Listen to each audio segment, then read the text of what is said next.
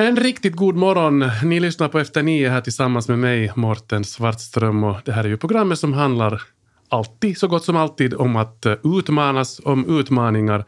Och idag ska vi tala om att, eh, ja, om att springa. Snabbt och nästan ursinnigt kan man väl nästan säga, för det ska handla om det beryktade ultimata löptestet, nämligen Cooper-testet. Det vill säga det här testet där man ska springa så långt som möjligt på 12 intensiva minuter. Vi, det vill säga Sonja och jag, vi har nämligen utmanat oss själva att ta ett Cooper-test och snart ska ni få höra hur det gick till, hur det lät i det här fallet, för vi spelar in våra prestationer med våra mobiler. Och veckans första gäst idag är gymnastiklärare Thomas Ekman som till vardags är gympalärare i Kyrkslätt högstadium. Han ska få berätta lite om sitt arbete sina observationer när det kommer till barn och ungas kondition på ett allmänt plan och så ska han också få kommentera Sonjas och min utmaning. Och idag kommer vi också att få träffa kaptenlöjtnant Harry Paukku som är idrottsofficer vid Nylands brigad i Dragsvik. Han ska också få ta del av våra test och kommentera våra resultat. Och med honom ska vi också kanske tala lite om, ja, om beväringarnas kondition i dagens läge. Eh, det ser ju inte så där rosenrött ut eh, numera. Men i alla fall, vi börjar med att bjuda in gymnastiklärare Thomas Ekman. Hjärtligt välkommen med till Efter nio, Thomas Ekman. Tack och god morgon på er. Och jag ska genast korrigera här att eh, du är alltså gymnastiklärare i Vinellska skolan i Kyrkslätt. Ja. Ett högstadium. Eh, grundskola, allt från årskurs 1 till årskurs 9. Så du har både lågstadier, eller lågstadier och högstadier som det hette För, till, för tillfället har jag timmar endast i årskurs 7 till 9, men, men jag, jag har, brukar ha också lägre klasser. Hur länge har du varit gympalärare? Uh, jag hade delvis gymnastik sen började jag jobba år 2000 och uh, 2009 fick jag tjänst som gymnastiklärare, så drygt tio år. Okej, okay. så du har ganska lång erfarenhet kan man väl nästan säga, att, att följa med barn och ungas kondition. Ja, så kan man nog och hur, säga. Hur, hur ser du på saken? Det talas ju mycket nu för tiden om att, att det, inte, det inte ser så bra ut. Nå, jag hade min gamla gymnastiklärare som blev mentor för mig och vi jobbade nästan tio år tillsammans och, och talade mycket och, och han äh, sa ofta det här att det var lätt att ha min generation i gymnastik för att vi var 70-80 procent som tyckte om att röra på oss mycket och så fanns det då en 10 procent som inte tyckte om det och 10 procent som rörde på sig nästan för mycket och ibland dåren ensidigt medan de där procenten har tyvärr ändrat jättemycket i, idag. Att så där grovt kan man väl säga att en mm, 2030 eh, rätt svaga och massan då så den har också blivit mycket, mycket mindre. Att 50-60 procent tycker om att röra på sig och mångsidigt för eget behov. Och de som rör på sig mycket så de rör sen igen på sig väldigt tidigt, väldigt ensidigt, tyvärr. Jag måste fråga här i dessa coronatider, hur har din eh, undervisning, hur har du lyckats med den? Du satt nämligen här utanför, före vi kom in hit i radiostudion så satt du med dina elever med din äh, laptop och, och diskutera med dem dagens gympalektion, förstod jag. Förstod jag rätt? Ja, alltså det, det går ut på det att varje lektion börjar med att jag hälsar eleverna god morgon eller god dag och, och kollar att de är närvarande och då har jag lagt upp på klassrummen en uppgift för, för veckan och gå kort igenom den, att alla har förstått instruktionerna och eh, bedömningskriterierna och vad jag förväntar mig av uppgiften och, och så får de sätta igång och de har, de har den dagen tid på sig att, att lämna in sin uppgift. Att för mig själv så har det ju blivit katastrofalt mycket annorlunda den här vardagen. Jag sitter ju sju, åtta timmar varje dag och det känns överallt i kroppen jämfört med min vardagliga undervisning. Ja, du får inte vara med dem där och springa på planen. Nej, nej jag sitter vid min dator. Hur, hur följer du upp sen att de faktiskt har gjort sin uppgift? Äh, de lägger upp uppgifterna i det här Classroom och uh, där ser jag då att, att de har gjort dem och kommenterar dem skriftligt där bredvid och behöver någon komplettera sätter jag det där och, och sen de som inte har lämnat in så kontaktar jag på olika sätt. Mm. Bara Eh, Eh, snabbt ännu innan vi går in på den här utmaningen som Sonja och jag har, har antagit, det här med att springa ett Cooper-test, så tänkte jag bara fråga ännu, hur ska man få barn och unga att röra på sig mera? Det heter ju nu att skärmarna har tagit över allt mera och de därför bland annat rör på sig mindre. Men, men hur motiverar man dem att eh, motionera? Jag har väl tagit till till min undervisning ett uttryck som vi tog när vi fick trillingar för, för 17 år sedan och det är LL, det vill säga lättlurade. för att uh, man kan inte tvinga dagens barn att röra på sig. De har mycket mera olika saker som händer. De har sin telefon som har vuxit fast i handen. Det händer hela tiden där. Och, och för att få dem att röra på sig så det är att lura dem på lämpligt sätt. För barn tycker om att röra på sig om de ser det som ändamålsenligt eller roligt. Mm. Jag har själv märkt där att när, när, eh, oftast när man ska få dem att göra någonting, jag tänker på mina egna barn, så kommer det oftast ett nej, att jag orkar inte. Men så fort de sen kommer igång med det så vill de inte sluta. För det visar sig sen ändå, ändå vara ganska roligt. Ja. Och sen, det, det kan man ha som ett exempel, till exempel, jag brukar inte mera kalla redskapsgymnastik för redskapsgymnastik, utan det är gorillan är lös eller det är parkour eller det är samma övningar som vi gjorde för 30 år sedan i högstadiet, men, men det, där, det heter bara lite annat idag. No, parkour låter lite coolare än, ja. redskapsgymnastik. Ja. Ja. ja, jag, får, jag får nästan lite kalla kårar när jag tänker på redskapsgymnastik. Det påminner mig om min egen skolgång. Nå, i alla fall. För att inte tala om Cooper-testet. Det är ju alltså på det sättet att, att eh, Sonja och jag eh, bestämde oss för att vi skulle prova på det här. Åtminstone när jag började tänka på det så tankarna går ju tillbaka till bland annat armén där man gjorde det eh, och nog från någon skolgångstider också där man har tvingats göra det här. Och det är ju ett ganska ansträngande, obehagligt test. Men jag har förstått att det här kanske inte används så mycket i skolor mera, eller hur är det Thomas? Nej, jag kan ju inte säga för alla skolor. Jag vet att det nog används i, i vissa skolor, men jag kör till exempel med tre olika varianter. Jag kör med snabbhet, det vill säga 100 meter, fartuthållighet 300 meter som vi har på sportplan ganska tidigt i augusti.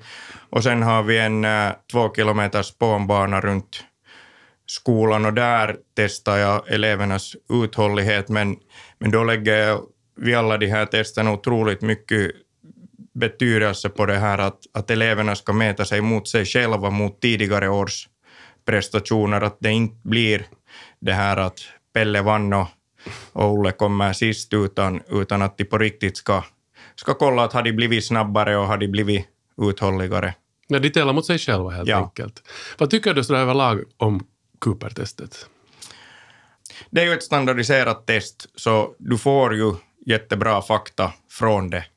Sen varför man ska springa just 12 minuter och så vidare, så det vet jag sen inte. Man kan ju löpa 10 kilometer eller man kan ju löpa ett halvmaraton eller något annat, men, men just för att få fakta när det är standardiserat runt om i, i både landet och andra länder så, så är det ju på det sättet tacksamt test. Mm. Det är ju ett traditionellt test, ja, som, som du säger, som är standardiserat och som skapades redan av en Mr Cooper på 60-talet och sen dess har det på något sätt levt med oss och blivit en sån där, en sån där grej som alla måste prova på någon gång? Under, har du själv provat ja, på? definitivt. I armén och säkert i något idrottssammanhang senare. Och hur har du känt när du har gjort det? No, jag har väl idrottat så pass mycket då när man har gjort det och veta ungefär med vilken fart man ska starta och så vidare, så, så det har varit helt okej okay på det sättet då när man har gjort det. Att, ja, du, har att haft lite taktik, du har haft lite taktik ändå? Ja, eller man har känt sin kropp. Man har gjort så pass mycket tid att det, det vet jag många elever som, som antingen startar de alldeles för hårt eller sen äh, så kommer de i mål och är bara lätt andfådda och konstatera att jag skulle kunna springa mycket hårdare. Mm. Uh, vi ska alldeles strax lyssna på, på inslaget, hur det lät och hur det gick till när Sonja och jag på varsitt håll sprang Cooper-testet och då ska vi också avslöja våra resultat. Men nu är det dags att uh, ta med Sonja som uh, sitter i sitt hem i Riihimäki och med per distans. God morgon Sonja. God morgon, god morgon. Nu passar jag på också att välkomna mig i programmet vår, vår nästa gäst som är med per Skype direkt från Nylands brigad, antar jag, nämligen idrottsofficer kaptenlöjtnant Harry Paukku. God morgon. God morgon. Hur är läget där? No, för mig så är det ganska lugnt för tillfället. Vi har barettmatch på gång, så en skjutövning på gång, så, så vidare. Så jag för tillfället får vara ensam till idrottshuset. Barettmarsch? Du menar att alla är ute och går nu? Vad är det, 70 kilometer eller något liknande? Uh, det var lite varierar, men att det är från 60 till 80 kilometer beroende på hur bra de är att orientera. Okej, okay. så där är också test på gång helt enkelt, för att få den där baretten? Precis. Du kommer ju snart att få, få kommentera vår utmaning, Sonja som min utmaning. Och, eh, sen tänkte jag att du också ska få berätta lite mer om, om beväringarnas kondition och eh, kanske också om det här Cooper-testet, eh, Cooper-testets användning i armén överlag. Ja. Hur är det Sonja, ska vi lyssna på vår, eh, hur det gick till när vi, när vi sprang vår Cooper? No, det är väl dags att, att uh, se hur det gick. Ja, så här lät det alltså när, när Sonja och jag tog vårt första Cooper-test på många, många år.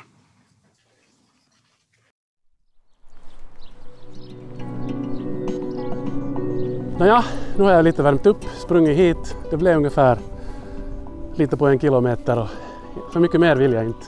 Springer ungefär en kilometer på sex minuter. Och eftersom det här är 12, så om jag skulle jogga, ströjogga som jag brukar, så skulle jag springa exakt två kilometer. Men nu vill jag ju springa mycket mer än det. Försöka åtminstone. Okej, okay. nästan färdig. Fröken ur. 12 minuter. 12 minuter. Platserna färdiga. Gå! Jag startar lite snabbare, lite hårdare än normalt. Och så försöker jag öka takten hela tiden. Jag förstår inte varför man har hittat på något sånt här.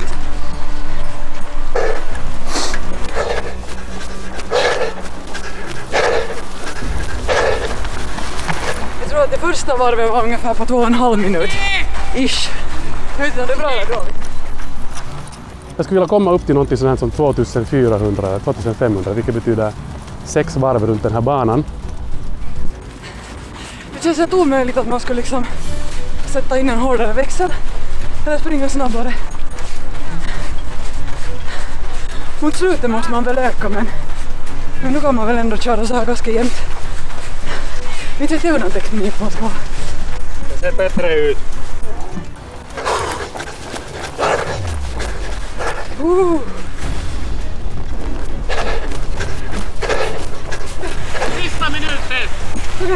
Igen nu! Ja, ja.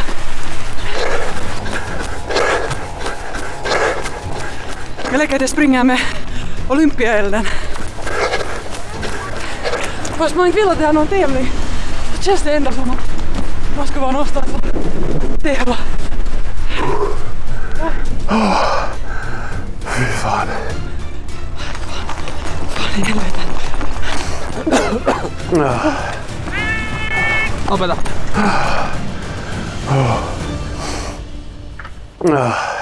Så borde jag kanske sprungit ännu hårdare.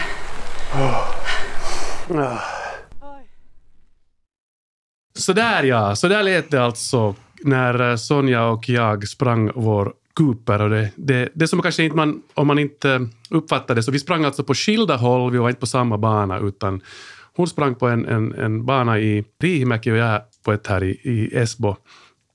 Och det lät ju ganska dramatiskt det där med den här musiken och, och så vidare. Ni lyssnar alltså på Efter nio här tillsammans med mig, Mårten Svartström, och jag sitter här tillsammans med Thomas Ekman, jumpalärare. Också med oss per Skype har vi också kaptenlöjtnant Harry Paukku och så har vi också per Skype har vi Sonja med oss.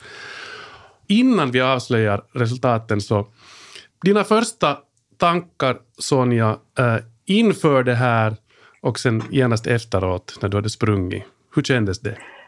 No, jag gjorde ett Cooper-test kanske för fem sex år sedan och det var jättetraumatiserande för att jag, jag, jag, jag var så slut efteråt och jag mådde så illa i en ganska lång tid så jag var väldigt nervös för den här utmaningen och, och tänkte att uh, jag, ska, jag ska kanske liksom göra det lite lugnare så att jag inte kommer att må så, så dåligt som senast. Ja, du tycker att du kunde på... ha gjort bättre ifrån det, är det så? Jag tycker att jag ska kunna göra det bättre, ja. Och, och det är inte, inte för att resultatet är för skam, men, men när man blir sådär eh, betänksam efteråt och inte alls lika slut som han hade väntat sig, så tänkte man att äsch, varför satte jag inte in en lite bättre växel? Mm. Ja, jag måste säga att jag har ju själv inte heller sprungit, tror jag. Nej, jag har nog inte sprungit, eh, tagit ett Cooper-test sen jag var i armén. Och eh, nu måste jag säga att på rak arm kommer jag inte ens ihåg vad jag sprang just då. Men eh, då var nog den största motivationen att springa det där Cooper-testet så var ju att få den där lediga dagen. För visst är det så, om det ännu används, Harry Paukku, att eh, man blir belönad om man springer bra i armén. Är det så? Ja, alltså det är sådana fastställande direktiv för oss att springer man på löptesten 3000 meter så det här får man första klassens guldmärke från den och det belönas med en duglighetspermission. Precis. Så man använder ännu Cooper-testet i armén? Ja, hela tiden. Hela tiden. No, jag kan erkänna att jag, jag, jag kom inte upp till 3000 meter i armén, så, så jag, jag tror inte jag, jag fick aldrig det där, det där märket och jag fick inte den där lediga dagen. Men, men eh, jag tror jag nog sprang bättre än jag sprang den här gången. För att nu är man ju lite sådär till åldersstigen. Jag tycker definitivt att vi borde ha haft någon sån här morot som just en ledig dag eller eh, vet du, den andra gör sändningen istället för en eller något sånt här som skulle ha liksom sparrat Vi kan sätta en målsättning på det där sättet att vi bestämmer vad ni springer och om man klarar det så måste man springa det på nytt. no, det är en ganska bra, bra morot, för att, för att det där är nog inte någonting man, man hemskt gärna gör. Men det som jag måste säga här ännu är att uh, jag visste ingenting om kategorierna på förhand, att vad är ett bra resultat och vad är ett dåligt resultat. För, för jag tänkte att jag vill inte bli påverkad av det, utan nu, nu bara springer jag och så ser vi vad det blir. Och jag undrar att om man skulle veta det på förhand och lite planera så skulle man kunna kanske sträva till, till, till andra resultat. Jag vet inte, vad, vad säger ni, uh, Thomas och Harry, gällande att uh, fundera ut en taktik på förhand? Ja, att ha en taktik på det här löptesten, så då måste man känna till sitt eget nivå och då lyckas mm. det. Alltså, sådana jämnfart är oftast det där bästa, men att tyvärr så har jag märkt den att om man har någon viss gräns, till exempel yrkessoldaterna har vissa gränser, så de siktar på den och därefter när de har klarat den så det här, de slutar att försöka. Vet du? Att man ger upp 15-20 sekunder för tidigt kanske.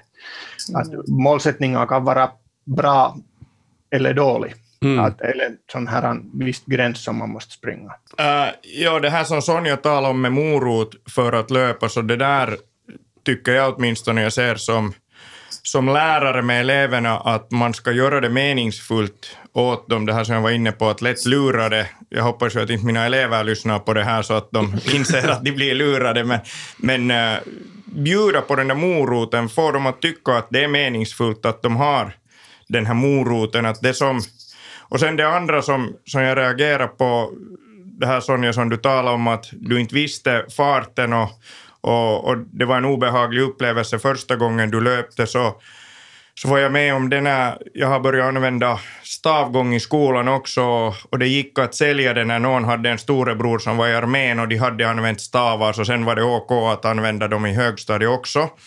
Och vi var i en stavbacke och eh, jag hade killar som stannade och sa att nu har de fått astma för att de blev andfådda och då insåg jag att killarna är 14-15 och har aldrig utsatt sig för så hög fysisk ansträngning att de liksom kände i kroppen hur det ska kännas då. Mm.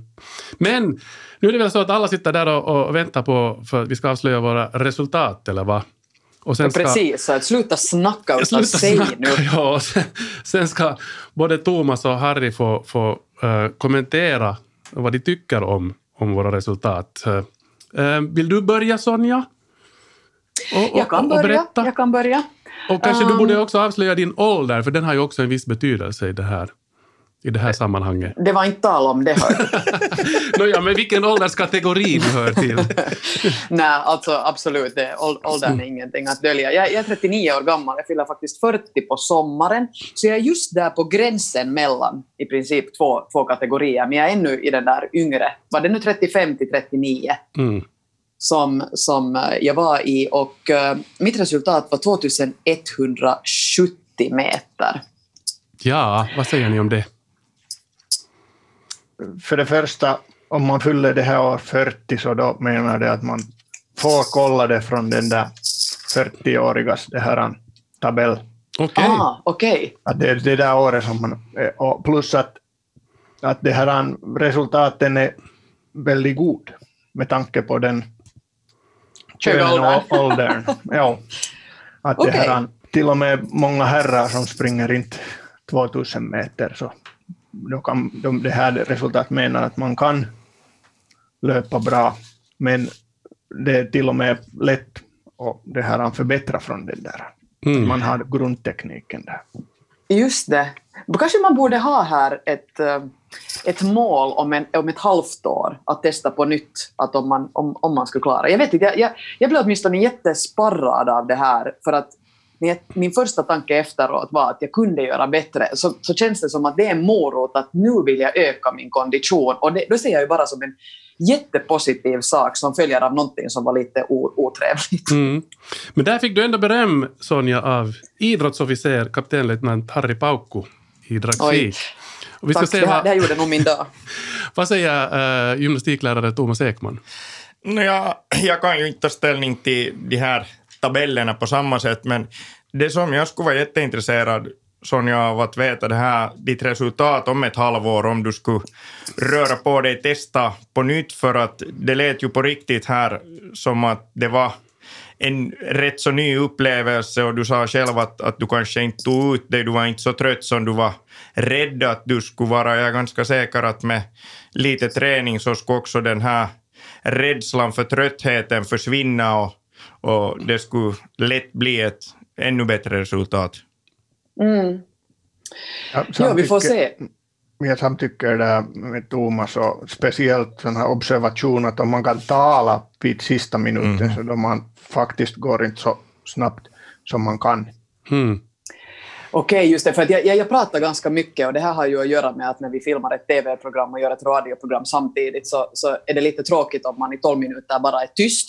Men, men för resultatet så kanske det skulle haft, haft en avgörande roll. Men, men det där... Um, Hmm. Du måste ja, kanske jag skulle kunna springa 30, 30 meter mer och komma upp till 2200. Men Mårten, nu är det din tur. Jag visste ungefär vad jag, vad jag kunde komma upp till. För jag tänkte att jag ska springa åtminstone sex varv runt den där. Och eh, jag hade ju en klocka på också så jag kunde lite kolla min tid. Men jag, jag försökte hålla en ganska jämn, lite högre hastighet. Och jag kom faktiskt upp till 2450 meter. Och eh, då är jag alltså fyller 48 i sommar. Ja, vad säger eh, herrarna om, om det resultatet? Ja, väldigt bra. Inte bara enlig ålder, men att vi har det här, våra nya gränserna som från början av året vi har haft, så 2500 till exempel är en minimumgräns för, för en ung utbildare. Okej. Så du behöver inte förbättra så hemskt mycket där, så du slipper att arbeta till oss om det här, det här nuvarande arbetet lyckas inte. Okej, tack, bra, tack för den där, det här erbjudandet. Jag ska, jag ska fundera på saken. Men, men jag faktiskt, jag, efteråt att jag hade sprungit, så jag hade eh, lite samma känsla som Sonja. Att varför pressar jag inte lite till? Speciellt när jag märkte efteråt, när jag tittade på de här tabellerna, att om jag skulle ha sprungit 50 meter extra så skulle jag kommit till den här mycket goda kategorin, det vill säga 2500 meter. Speciellt med tanke på min, på min ålder. Så jag var lite sur på det också, men, men eh, sånt, sånt är det. Men, men vad säger du, Thomas? Helt strålande. Det är ju liksom... Uh, skulle jag ha mina elever och ha löpt med det så... No, nu är det ju några som närmar sig säkert 3000 meter, men att, att du skulle nog ha varit långt på, på den här övre halvan där. Hmm. Oj, tack. Sen om det är bra eller dåligt, det kan jag inte ta ställning till.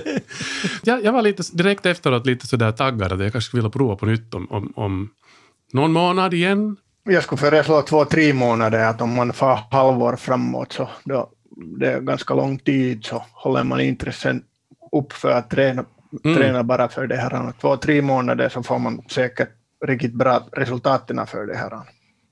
Nå ja, Morten, ska vi göra ett nytt test i augusti? Ska vi slå, slå fast en sån här Nå, liten kanske- morot? Och då har vi ett, en belöning. Den som får eh, bättre resultat i, i den här kategorin, så den får någonting. Allt sånt här sporrar ju en liksom. Kanske vi måste göra Lite. det, ja. Kanske vi måste ta den här, anta den här utmaningen. Jag förstod, jag förstod på dig också, Harry, att, att du hade tänkt att eh, vi skulle komma till Karis för att träna med dig lite grann. Ja, om ni är intresserade så det här gärna, jag skulle gärna se er löpande och diskutera om lite hur det lönar sig att träna. Att få en pålitlig resultat från vilket som helst test så måste man ha utfört den och träna för den tillräckligt många gånger för att kroppen vet vad det gör då under den testen. Annars det är vissa delar av kroppen, till exempel muskelkondition eller, eller andning eller något annat som den där svagaste länken och därför resultaten är oftast mycket dåligare. Mm. Det vill säga, här när jag utbildar människor till den här, så vi har följande test inom två, tre veckor, så redan då så får man 50, 100, 150 meter till bara för att man har väckt kroppen för att göra just den här testen. Just det. Ja, intressant. Men vi kommer jättegärna till Karis, så tack för inbjudan. Ja, ja, ja, ja, ja, fast, fast det kan kännas lite traumatiserande för mig att komma och träffa en, en, en militärman igen efter så många år. Efter Jag kan armén. lämna mig oraka och sätta sportdräkten på. Okej, tack. Ja.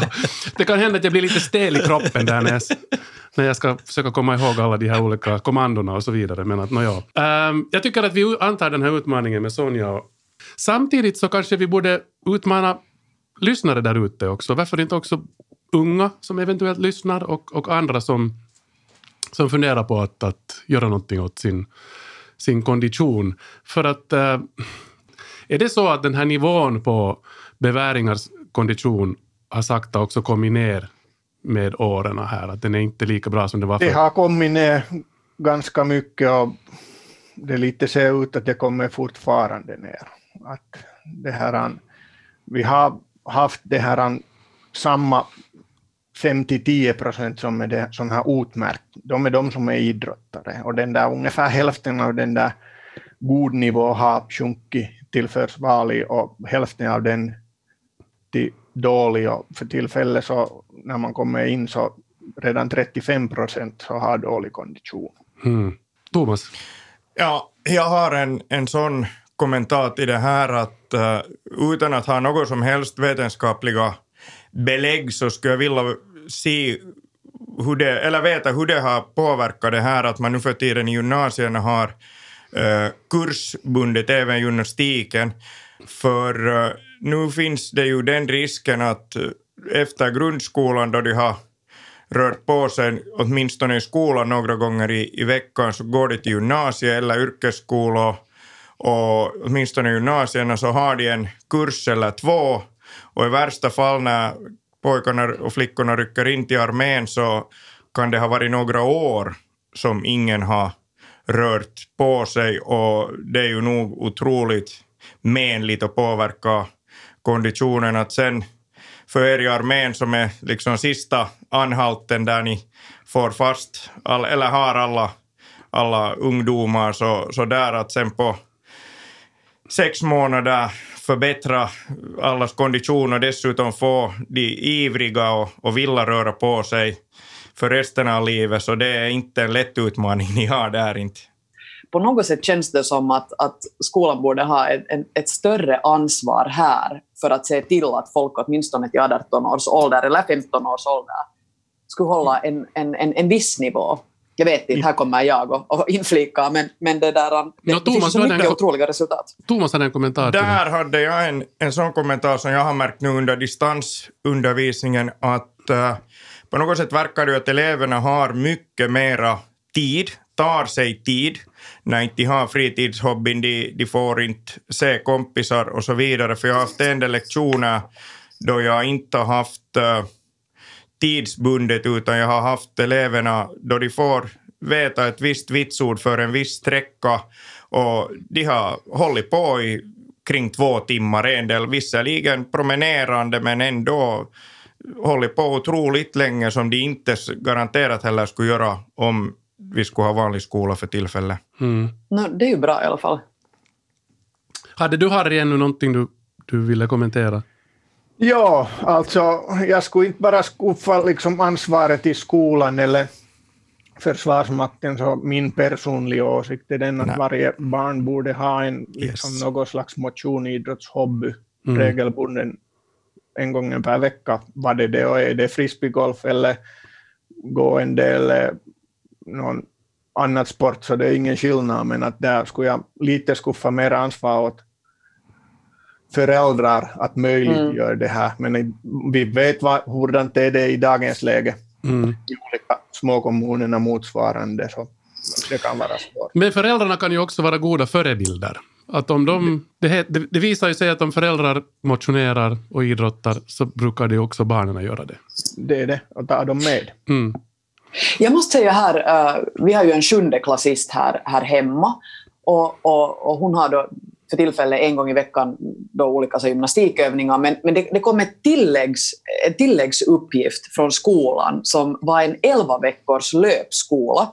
Och den får man frivilligt göra om man vill, eller låta bli. Men, men vi började göra den tillsammans och, och ingen här är någon så jättestor vän av att, av att springa. Och, och jag måste säga att den här tabellen är en av de bästa sakerna som, som, som jag har varit med om, för att den ger varje dag åt en Eh, en, en liten utmaning. Och, och, I början så är det typ att gå i tre minuter, spring en minut. Gå i två minuter, spring en minut. Och den börjar jätte, jätte, jätte, jätte, jätte, jätte långsamt så att man inte ens egentligen märker att, att man mitt i allt klarar av några minuter till för att den lägger, den lägger till um, sträckan på, på, på då liksom flera, flera veckor. Så det här, det här var en ganska ro, ett roligt initiativ tycker jag från, från skolan. Mm. Ja, det, här bra. är exakt den där stilen som jag lär människor att förbättra det här löptesten. Så, och att säga att en människa att fara på sex kilometers länk, så Nej. det är helhetsutförande. Kroppen är inte färdig för det. Kroppen måste lära det där, det där att, att förbättra uthållighet så det tar från månader till åren mm. hjärtan ja. undviker och så vidare. Att förbättra musklerna, det tar från veckor till månader att muskelcellerna förnyas och så vidare, men att förbättra nervsystem så det förbättras varje natt när man sover. Så det är att man lär kroppen att springa, det vill säga springer en kort sträcka, det kan vara med två lyktstolp mellanrummen, det kan vara en minut, vi använder det här 300 meters banans varv, så man springer ett varv och därefter så går man följande varv. Det är enkelt, lätt, plus att om man gör den med fem kompisar till exempel samtidigt, så alltså det är det bästa sättet. Och därefter när man har övat en stund på det här sättet, då har man kroppen färdig för den att man kan fara på 6 kilometers, 8 kilometers länk. Och med de här tankarna så går nu den här utmaningen då ut till alla ni som lyssnar att kom med, motionera och träna inför augustis Cooper-test som Sonja och jag kommer att ta på nytt. Och så tänkte jag vet jag inte varför jag föreslår det. det var du som sa. Men jag tänkte att, att, att, varför inte också bjuda med gymnastiklärare Thomas Ekman och komma och, och, prova igen? Och varför inte, ja, också, varför inte också idrottsofficer, kapten löjtnant Harry Paukku som har varit med oss idag? Kommer du också med och testa? Gärna.